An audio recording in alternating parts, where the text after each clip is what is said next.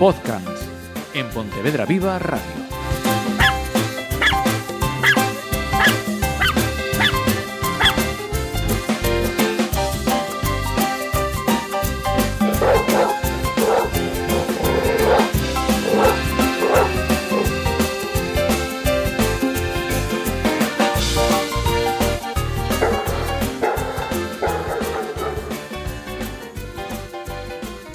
Hola, saludos.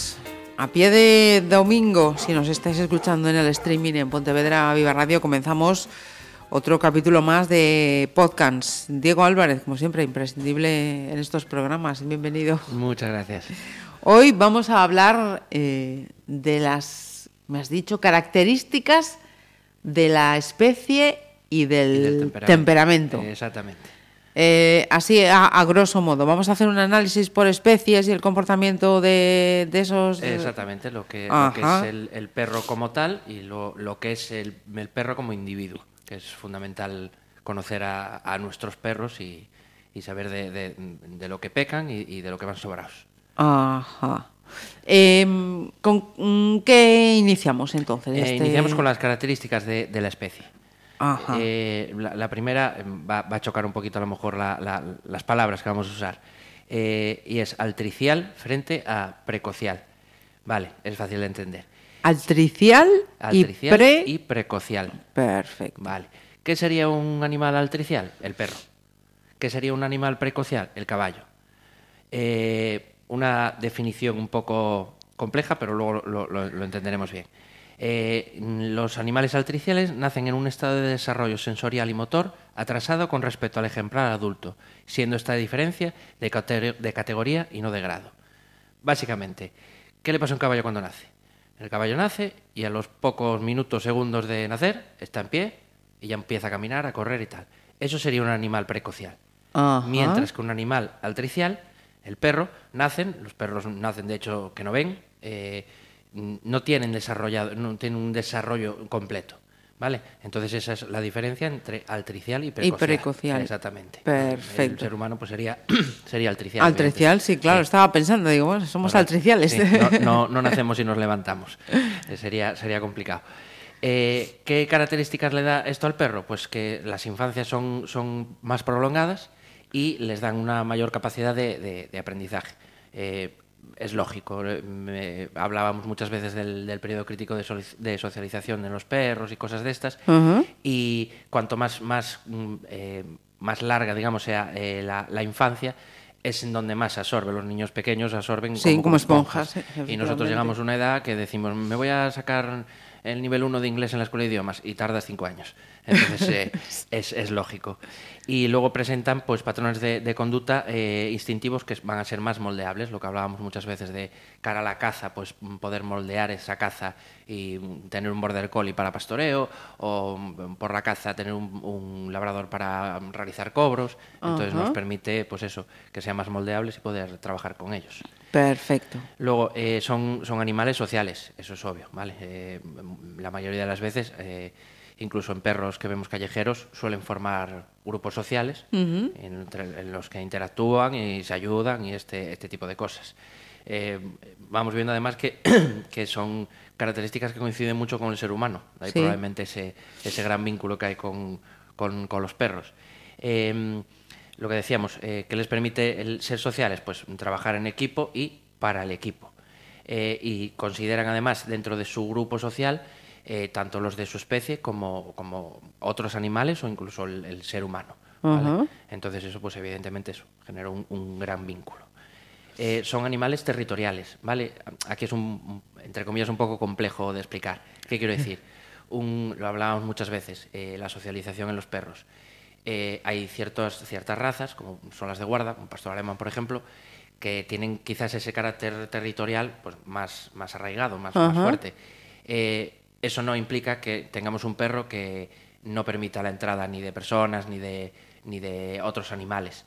Es fundamental el periodo, eso, el periodo de socialización, en especial el, el periodo crítico. Un pastor alemán que viva en una finca y que en esos periodos eh, mm, hayan entrado 100 perros, 100 personas, pues probablemente no tenga ningún, no manifieste un carácter territorial. Eh, evidentemente siempre estará el factor genético, pero eh, con este tipo de trabajos de una buena socialización no tienen por qué manifestarlo. Muchas veces me dicen, no, es que el perro, eh, mi perro es muy territorial. ¿Por qué? Porque ataca más a otros perros cuando están cerca de su, de su casa que cuando está lejos. Vale, puede ser. Pero también podríamos pensar que el perro cuanto más cerca de su casa, sobre todo en perros con, que son inseguros, se sienten más seguros y probablemente se sentirán más agredidos, entre comillas, más, más amenazados si están cerca de su entorno de seguridad que fuera de ese entorno. Entonces, de ahí hablar a carácter territorial. Digamos, y pregunto siempre desde el desconocimiento. Eh, esa característica de la territorialidad es, es lo que hace eh, que precisamente mm, veamos con frecuencia que, que tengamos a estos perros pues para cuidarnos eh, nuestra Eh, casa, ¿no? Correcto, correcto. A ver, una de las mejores formas, entre comillas, de, de conseguir que es un perro de, de guarda eh, actúe con carácter, digamos, territorial, es no socializarlo. Ajá. Ese perro el día de mañana no va a querer que entre ni Dios en su territorio. ¿vale? Eh, ¿Qué pasa? Que entramos lo que decíamos también a lo mejor en, en un tema de, de inseguridades, entonces Ajá. no tiene solo por qué ser eso. Vale. Fundamental lo de siempre, la, la socialización.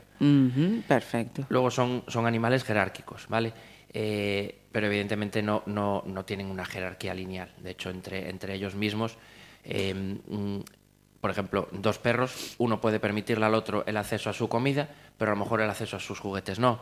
Y luego, a, a- a la inversa, mm, actuar de otra forma. Es decir, eh, digamos que A controla a B y B controla C, pero en, un determinado elemento C controla A. Entonces, eh, es cierto que hay una jerarquía, jerarquía la hay en, en todo. Evidentemente yo trabajo para mi jefa, pues mi jefa es mi, mi jefa, ¿vale? Eh, pero no es una jerarquía tan lineal ni tan estricta en, en determinadas cosas. En el caso de, de los perros, por ejemplo, existe esa jerarquía de, de- de- de edades, que sean más pequeños, que los más pequeños sigan, respeten a los perros más. Sí, por lo general sí. Eh, a, a mayores hay que partir, por ejemplo, los, los cachorros tienen lo que se llama licencia de cachorro, que si no recuerdo mal, hasta la decimoquinta semana, un cachorro un poco puede hacer lo que le salga de las narices y los adultos se lo van a permitir. Sí. A partir de ahí, evidentemente no llega a la decimoquinta semana y se acabó.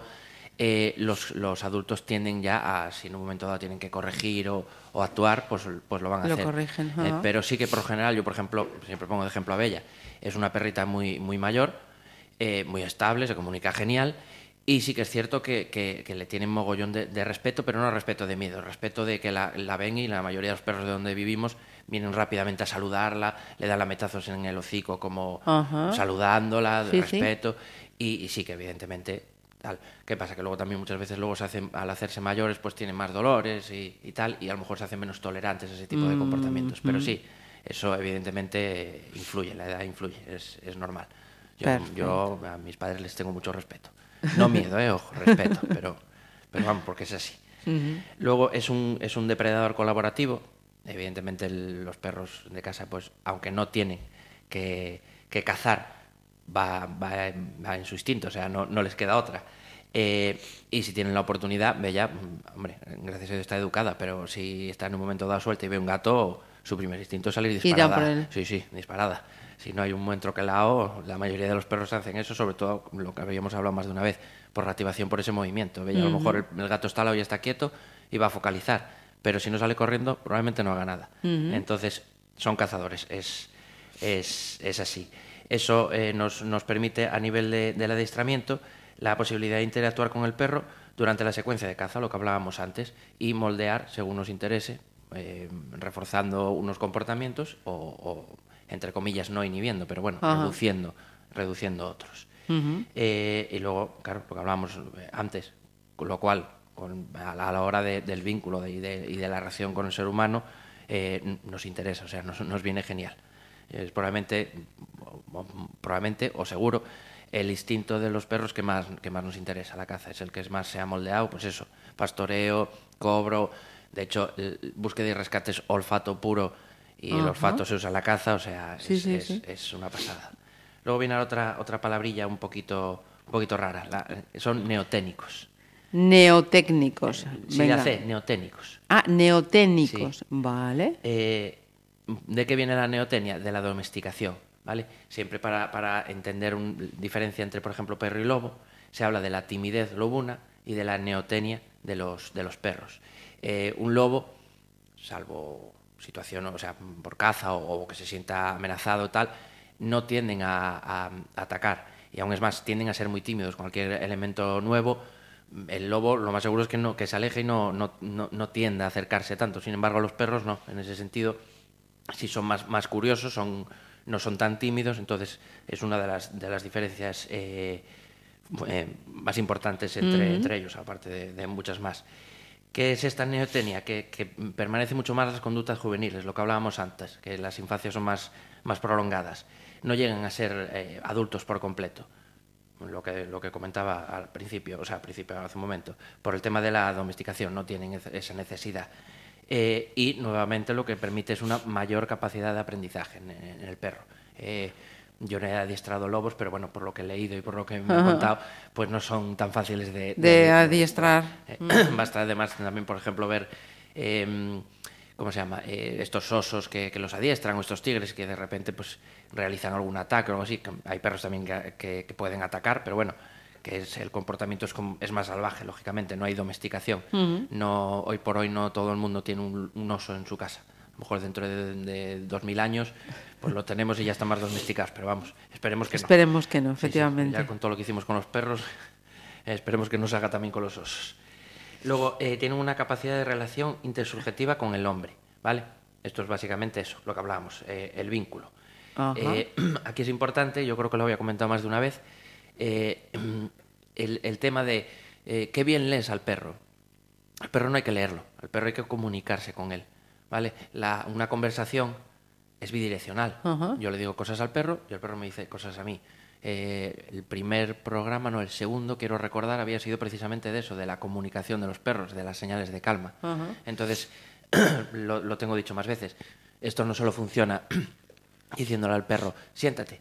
Tengo que saber si se lo estoy diciendo correctamente, si estoy a lo mejor invadiendo su espacio, echándome encima y el perro se siente incómodo. Entonces, Ajá. tiene que ser una, una comunicación bidireccional. Bidireccional. Exactamente. Cualquier comunicación tiene que ser bidireccional. Hay emisor-receptor y en determinados momentos eso se invierte, con lo cual es, es fundamental que, que eso, que aprendamos a, a- hablarles y a escucharles. Ah, y luego, por cierto, tengo que responder una pregunta, que llegó una pregunta al, al- al correo electrónico. Ah, pues Y- mira, y voy a, voy a anotar aquí entonces pregunta para que no se nos Eh, olvide. exactamente.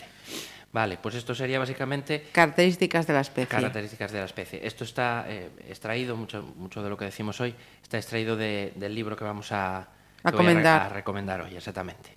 Vale, en cuanto al temperamento, vamos a ver que muchas cosas, bueno, lo mismo que, que hablábamos antes, se es muy parecido al ser humano. Por ejemplo, eh, la actividad, ¿vale? Hay perros que son más activos, hay perros que son menos activos. ¿Qué sería la actividad? Eh, la cantidad de conductas que el perro da por unidad de tiempo, ni más ni menos, ¿vale? Ajá. Evidentemente un perro que se pasa, bella, con lo mayorcita que se está durmiendo, pero bien. Eh, es una perra muy poco activa. Ya de siempre fue muy poco activa, suele estar muy asociado el tamaño con, con, con- ¿cómo se llama esto? Con la, la actividad. Pero los amastinados tienden a ser menos activos. Lo típico de ver un San Bernardo tal, que están allí espanzurreados. Sí, pachorros. Y, exactamente, y, y no tienen mucha actividad. Luego un perro estilo un cocker, un tekel o así, son mucho más Todo lo activos. contrario. Exactamente. Vigor, que sería la, fuerza o intensidad con la que, con la que da una, una determinada conducta. ¿Vale? Eh, no nos enrollamos mucho en esto, está bien, porque más que nada estas características lo que, lo que es interesante es lo que decíamos antes. Aparte de conocer al perro a nivel global, tenemos que conocer a nuestro propio perro. Eso nos, nos puede dar un mogollón de pistas. Eh, si tenemos un perro eh, que suele hacer las cosas con mucho vigor y de repente está bajando ese vigor, salvo que se está haciendo muy mayor, pues a lo mejor me está dando un indicativo. Una señal de que algo no va bien. Está pachucho o, o- algo le da miedo. Entonces tenemos que conocer a nuestro perro. Yo muchas veces eh, estoy con un perrín y le digo, a vuestro perro le pasa algo en la oreja. ¿Por qué? Porque lleva sacudiendo lo que es la cabeza, no todo el cuerpo, como señal de, de estrés, tres o cuatro veces seguidas. Y o tiene algo metido, o tiene algo de otitis. Y al día siguiente van al veterinario y me llaman, oye, pues tenías razón. Y digo, "Mm, lo increíble es que me dé cuenta yo. Ajá. Tienes que conocer a tu perro. Y si no Claro. se está sacudiendo continuamente, ¿por qué está dando ese comportamiento ahora? Entonces, estas características nos valen para eso. Para de entender- indicativo para saber que va todo bien o hay algo que eh, falla. exactamente. Luego la, la estabilidad. Hay perros que son más estables a la hora de dar una conducta y hay perros que son más, más inestables. Eh, la capacidad de concentración. Yo, por ejemplo, eh, a Bella, Bella, creo que lo tengo comentado, nunca come en comedero. Yo es que soy anticomedero. eh, come siempre en cons, que son unos juguetes, un día hablamos de los cons, unos juguetes interactivos que los rellenas de comida. Ajá. Hay unos que son así como en forma de cono y luego hay uno que, que a mí me encanta que es el con ruedas, como una rueda y por dentro los rellenas de comida. Ajá. Eh, eh, con la rueda se concentra que es una pasada y me encanta verla cómo coge la rueda y la lanza al aire porque al caer rebota y como es goma sale, sale la comida disparada. Y entonces se concentra muchísimo con la rueda, así como con el con, simplemente lo sujeta y lame, lame, lame hasta que lo vacía, con la rueda es un espectáculo. Y luego hay, hay- es lo que digo, un día hacemos un programa de, de juegos eh, de tipo con y juegos interactivos y tal, que está muy bien. Entonces, claro, hay perros que con mayor capacidad de concentración Suelo poner mucho el ejemplo del border collie porque es un espectáculo. Ver un border collie concentrar en, en una, sea prueba o esté trabajando porque sí, eh, a la hora de pastorear ovejas, es, es una verdadera barbaridad, es, es impresionante. Y luego hay perros que son dispersos, pues igual que las personas. Yo cuando era pequeño me dispersaba como una mosca. Me decía mi madre, dicen, tú no apruebas, pero porque no, no te No te concentras. Entonces es, es muy importante. Sensibilidad física y psíquica. Pues eh, igual que las personas. Hay perros que son más sensibles al contacto. Son, muchas veces incluso está asociado porque ese perro haya tenido un problema, por ejemplo, de otitis prolongado y le queda como conductual y le vas a manipular la oreja y como está sensibilizado, saltan a la mínima. ¿vale? Y la psíquica igual. Hay perros que, que toleran muy bien, pues eso. eh, por ejemplo, que hablaban muchas veces, fuegos artificiales y tal. A nivel psíquico no le supone nada y hay otros que es, es Sí, lo brutal. pasa mal. Exactamente. Luego, lo, eh, lo que hablábamos antes, que hablábamos de neotenia, timidez, eh, el miedo a lo desconocido. Eh, hay perros que pones un objeto nuevo en casa y, y al momento van para allá, huelen, vale, ya está.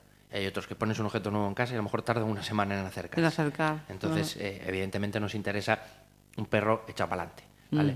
Que lo de que hablábamos siempre. Eh, ¿Que es tímido? Bueno, pues ya le enseñaremos que no hay que ser, hay que tenerle miedo a lo desconocido. ¿vale? Eso es fundamental.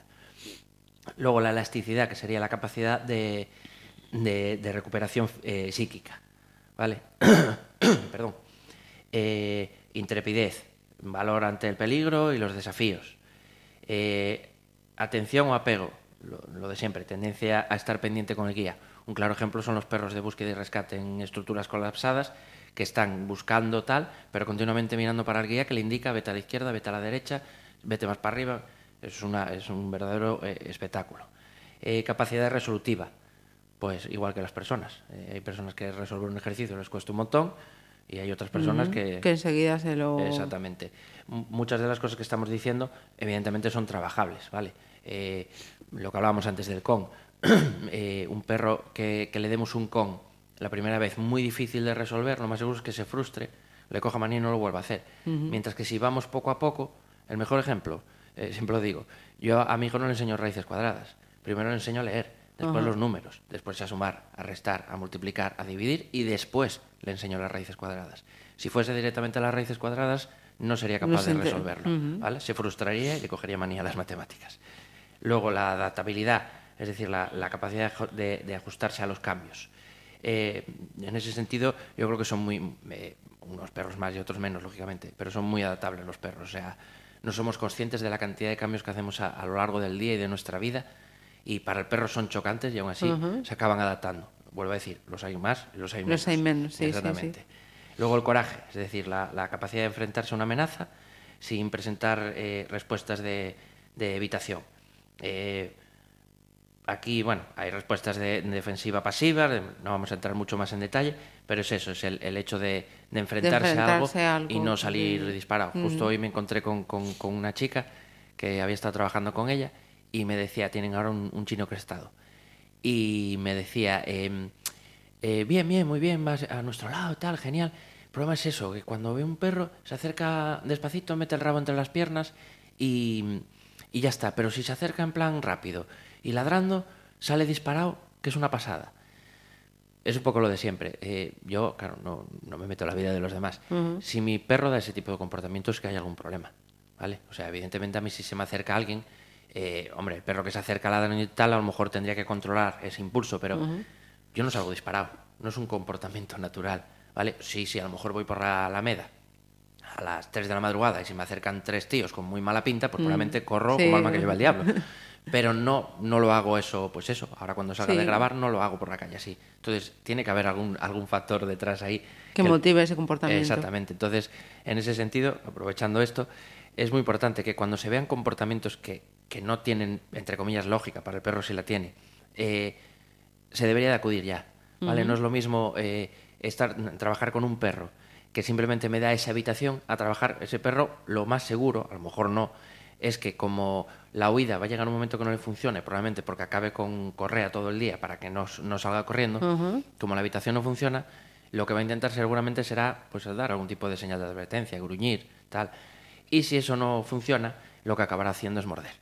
¿vale? Entonces es mucho más fácil solucionar cuando el perro simplemente hace una habitación, que es una conducta normal, eh, hasta cierto punto, que cuando ya el perro lo que está haciendo es morder. Si nos acordamos de, las eh, de los escalones de la comunicación, teníamos señales de calma, advertencia, inmovilidad y huida y agresión.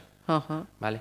Eh, con lo cual, si ya estoy en el escalón de arriba, para volver al primero me va a costar. Mientras que si estoy a lo mejor en una, en una advertencia, o en este caso en la, en la inmovilidad o huida, me va a ser mucho más sencillo solucionar. Corregirlo. Exactamente. O sea, yo no eh, pues me imagino que los humanos pues será igual. Si tengo una persona que es mm, agresiva verbalmente, mm, pues a lo mejor tendría que tratar eso y no permitir llegar a que esa persona sea agresiva físicamente. Pues en los perros es exactamente lo mismo. Perfecto. Luego, solidez, que sería la, capacidad de resistencia al estrés, el famoso estrés que tanto me, obsesiona y, me encanta estudiar y, explicárselo a la gente.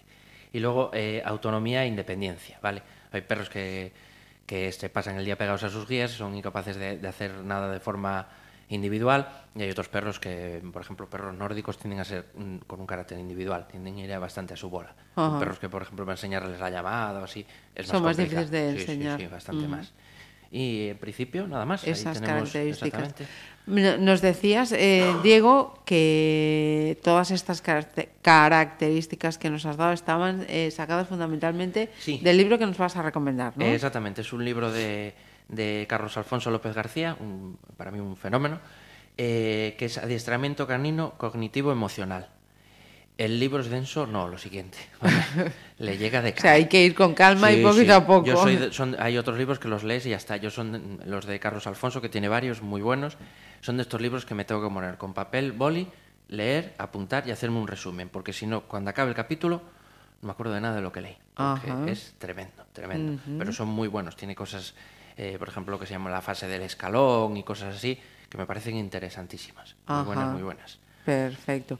Mira, y, esa pregunta de la que nos has avanzado algo. Me preguntaban sobre el, tema de la, de la comunicación, en, eh, de la comunicación canina, lógicamente. Em, mm, con respecto a lo de si hablamos mucho con los perros, este tipo de cosas.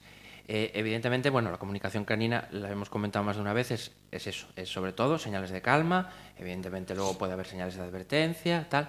Eh, lo fundamental, las señales de calma, ¿vale? Y Hablamos mucho con los perros, desde luego. ¿Pasa algo? Absolutamente nada. Pero sí lo que tiene que tener claro un perro es que cuando le pido algo, el famoso comando, eh, que sea solo ese comando, ¿vale?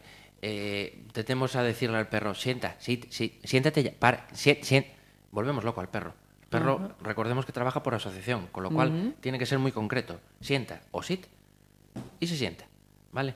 Y recordemos, no son militares, con todo mi respeto a los militares. No tiene que ser inmediato. Evidentemente, en una llamada me interesa que sea lo más rápida posible, sobre todo si hay riesgo para el perro. Pero no son militares. Yo a Bella le pido un sentado y si me tarda dos segundos, genial. Y si me tarda cinco, pues tampoco pasa nada. ¿vale? Incluso habíamos hablado alguna vez del bingo o jackpot, el reforzar más con algo más palatable o mayor cantidad de premios pues eso, una llamada rápida, pues le, doy cinco o seis cachos. Una llamada lenta, te doy uno. ¿Vale? Entonces, la comunicación es eso. Eh, en nuestro caso, verbal, que sea concreta cuando queremos pedir algo y luego tener en cuenta que son mm, total, bueno, totalmente, son, vamos, en un 90% gestuales. ¿Vale? Con lo cual, funciona muchas veces más un gesto con un perro. De hecho, se le suele enseñar primero con un gesto y luego se mete el comando. Eh, le va a funcionar mucho más un gesto que el hecho de las palabras, porque lo vemos, cómo se comunican los perros. Si el perro es estable, señales de calma, no hay un solo sonido. Y, mm, sin embargo, nosotros tendemos a todo lo contrario, todo a base de palabras. Con lo cual, comunicación canina, señales de calma, debería de, darse en los colegios e institutos directamente. Y, y luego, pues, a nivel humano, usaremos comandos concretos, cortos, que siempre va a ser mucho más sencillo aprender al perro, y que queden claro lo que estamos pidiendo, ni más ni menos. Bueno, pues eh, si todavía queda alguna duda, alguna pregunta, alguna cuestión que no ha quedado claro, que mira, me, me interesaba insistir más en, recordamos ese correo electrónico para que sigan invitan, invitando, enviando, enviando, los correos. Es podcast.gmail.com podcast, como suena, uh -huh. arroba gmail.com. Pues ahí tenéis esa dirección de correo y gracias, por cierto, a la persona que, que nos ha hecho esta Exacto. pregunta. Y la foto de esta ocasión, además, eh, tiene te me, varios. Te me, saltas, te me saltas la frase. Ay, perdón, perdón, perdón, cierto. Una frase, bueno, está relacionada con lo de hoy, que es de, de Malcolm X, una película muy buena de Denzel Washington, buenísima. Eh, todas nuestras experiencias se funden en nuestra personalidad. Todo lo que nos ha pasado es un ingrediente. Entonces es un poco eso, ¿no? Todo, todas estas características que hablábamos del perro, Ajá. una vez Acaban aunadas, conformando exactamente, al, pues al forman la, individuo. exacto, la personalidad de, del perro. Uh -huh. ¿Y qué tenemos hoy? Hoy tenemos un, un, caso especial. Una mami que, que, ha tenido tres cachorros, digo, perdón, cuatro cachorros, la mami se llama Lupa. Eh, el 23 de, de marzo los cachorrillos van a hacer dos meses, muy importante, lo tengo yo creo, creo comentado más veces, mínimo siempre, salvo que haya rechazo por parte de la madre o que la madre no sea capaz de atenderlo, mínimo los cachorros siempre hasta los tres meses con la madre, mamá y los hermanos van a ser los mejores profes, ¿vale? para la inhibición a la mordida, para comunicación, este tipo de cosas, con lo cual, evidentemente, si hay una adopción, pues por lo menos que sea adopción con acogida de los cachorrillos para que estén hasta los tres meses con, con su mami, y, y, luego eso, no destetar nunca antes, no es nada recomendable. No se sabe mucho de la mami, hace poquito que la, que la cogieron, sí sé que sabe que, que es sociable con gatos porque uh -huh. está con gatos y no tiene problema ninguno. Es tranquila, un poquitín miedosa con, con, humanos, pero bueno, no tiene por qué ser algo que esté muy arraigado por las circunstancias, el embarazo y tal, pues le puede haber afectado. Uh -huh. eh, y eh, lógicamente, pues al haber dado a la luz hace relativamente poco, está sin esterilizar, aunque se, se va a esterilizar. Y en la foto ya veis, hice un montajillo ahí con lo que me mandaron. Sí. Los cuatro cachorrillos en las esquinas y la, y la mamá en el centro, que llama mucho la atención, que tiene un ojo de cada color. Es una especie de pastor alemán con un ojo de cada color. Sí, ese, ese detalle me, me, di cuenta, efectiva, sí, sí. efectivamente.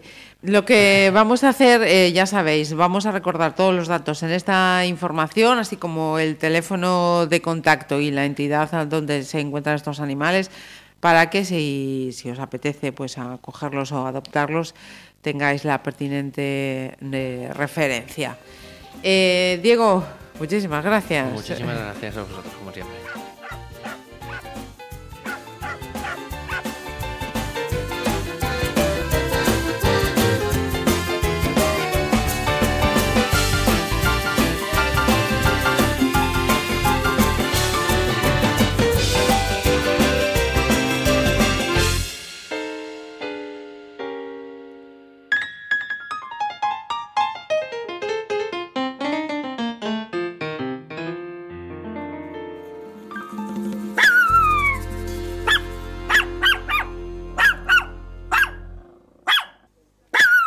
Podcans en Pontevedra Viva Radio.